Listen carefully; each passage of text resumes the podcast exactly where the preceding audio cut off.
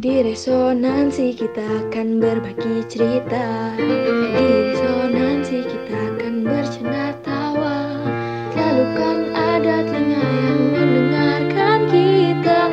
Mari ungkap suara hati di resonansi.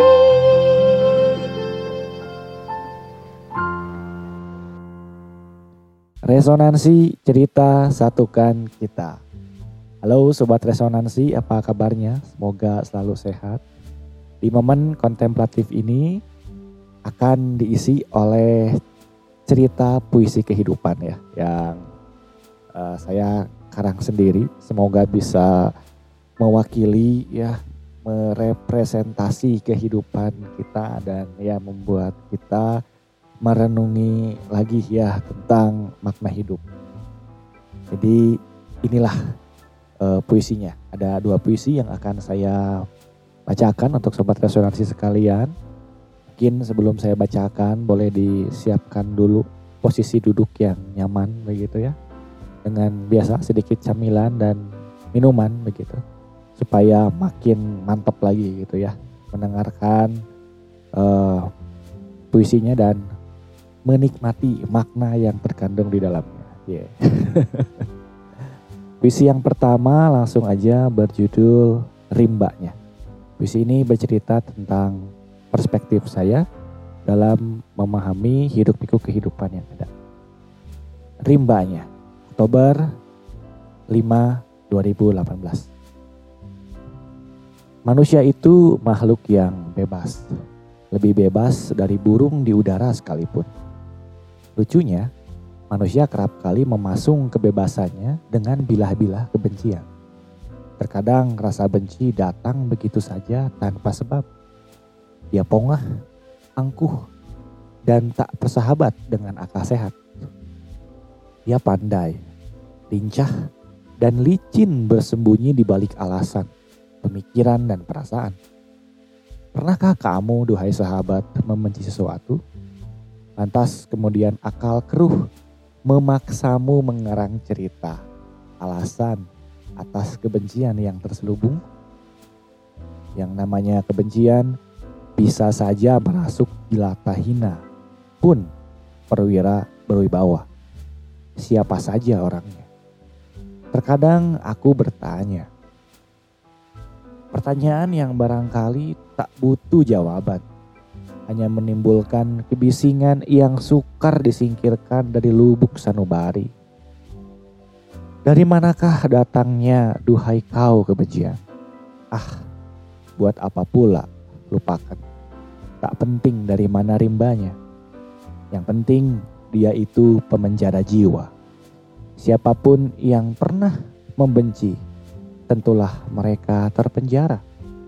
Di mana kata di batas bahasa mata di batas ruang maya. Maya kelabu seolah itu nyata. Mencipta suatu dunia hampa tanpa hadirnya cinta sang kuasa. Kita tak pernah sadari memang, atau mungkin kita selalu saja terlambat sadari, tak mampu antisipasi. Kebencian adalah perampas kebebasan, sedang kebebasan adalah manusia itu sendiri rimbanya.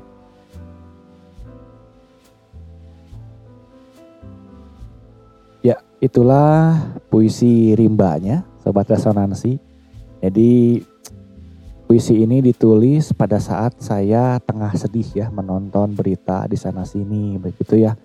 Orang saling membenci, masalah-masalah sara gitu ya. Perbedaan ras, suku, bangsa, agama gitu ya yang membuat bangsa ini terpecah belah, yang membuat kita sebagai orang muda sibuk untuk uh, saling mengata-ngatai gitu ya, ketimbang saling mendukung. Gitu. Jadi daripada saya ikut-ikutan uh, ngecuit gitu ya di media sosial, ya lebih baik saya berkarya bikin puisi mengingatkan bahwa ya ya kita tuh manusia ya, ya begitu gitu ya. Suka lambat aja antisipasi, suka ngeduluin uh, perasaan begitu ya ketimbang kepentingan bersama ya kita manusia punya perasaan tapi perasaan itu perlu ditimbang uh, apakah itu uh, baik untuk kepentingan bersama. Atau sebetulnya hanya ngikutin egonya kita aja gitu. ya mungkin ini cuma pemikiran saya dan pandangan saya. Ya semoga Indonesia secara khusus gitu ya, umumnya dunia gitu ya, bisa semakin jadi tempat yang nyaman lah untuk ditinggali begitu. Oke, untuk puisi yang kedua itu bercerita tentang uh, perspektif saya bagaimana melihat kita tumbuh sebagai seorang anak manusia bahwa ternyata ya ada ada harapan gitu ya, ada hal-hal menarik, ada misteri dan ya itu cukup cukup menarik untuk dibuat uh, suatu narasi begitu ya, suatu sajak, suatu puisi begitu. Ya, judulnya itu adalah kita. Karena bercerita tentang kita. Inilah puisi kita. Saya lupa uh, kapan ini dibuatnya. Oh ini, 4 November 2018. Here's the poetry. Kita. November 4 2018. Masa kecil kita dibesarkan dongeng Dongeng seribu satu malam. Dongeng Malin Kundang, Kang Kuryang. Malam-malam yang penuh khayalan tentang banyak kisah dan kejadian. Tentang baik dan buruk. Tentang patut dan tidak patut. Ada tertanam di situ cinta, harapan, dan perjuangan. Kita tumbuh menjulang menggapai bintang-bintang. Dididik rasa ingin tahu, rasa ingin tahu, tak ingin diam membisu, selalu haus dan tak kenal rasa puas, selalu merindu. Senantiasa ingin berlayar, arungi lautan ilmu pengetahuan. Tak jua harapkan perhentian, rasa ingin tahu yang membuat kau dan aku bertemu. Ya, sesuatu yang membuat kita abai pada rasa malu. Hanya berpacu arungi sang waktu, rasa ingin tahu adalah guru kita dilatih oleh banyak salah ya. Salah yang mengajarkan bahwa hidup semata-mata hanyalah berkah. Keliru yang mendorong kita menjadi pembaharu. Pembaharu bagi diri kita, pembaharu bagi dunia. Bagi dunia yang terpujur kaku. Adalah aku dan kamu yang banyak keliru. Adalah aku dan kamu yang banyak salah. Jangan pernah malu Aku dan kamu mestinya terus melangkah. Langkah-langkah mulanya tak tentu arah. Ini boleh jadi terarah. Kita terampil bukan karena bertalenta atau berkarisma. Kita hanya tak pernah takut dan bosan mencoba. Jatuh itu biasa, menangis dan tertawa itulah kita, anak manusia. Kita hanya tak kenal kapan harus berhenti. Kita terlampau suka berlari, si kancil yang terampil. Kita adalah serangkaian dongeng, sekumpulan rasa ingin tahu yang dilatih oleh banyak salah yang tak takut kalah. Dan terampil oleh karena tak pernah berhenti mencoba. Kita, anak-anak manusia. Ya, itulah puisi kita jadi semoga kita selalu semangat ya berlari menggapai harapan dan mimpi-mimpi. Jadi sobat resonansi um, mungkin gambaran saya ya tentang kehidupan kita tuh perlu melihat kehidupan dari dua sisi begitu.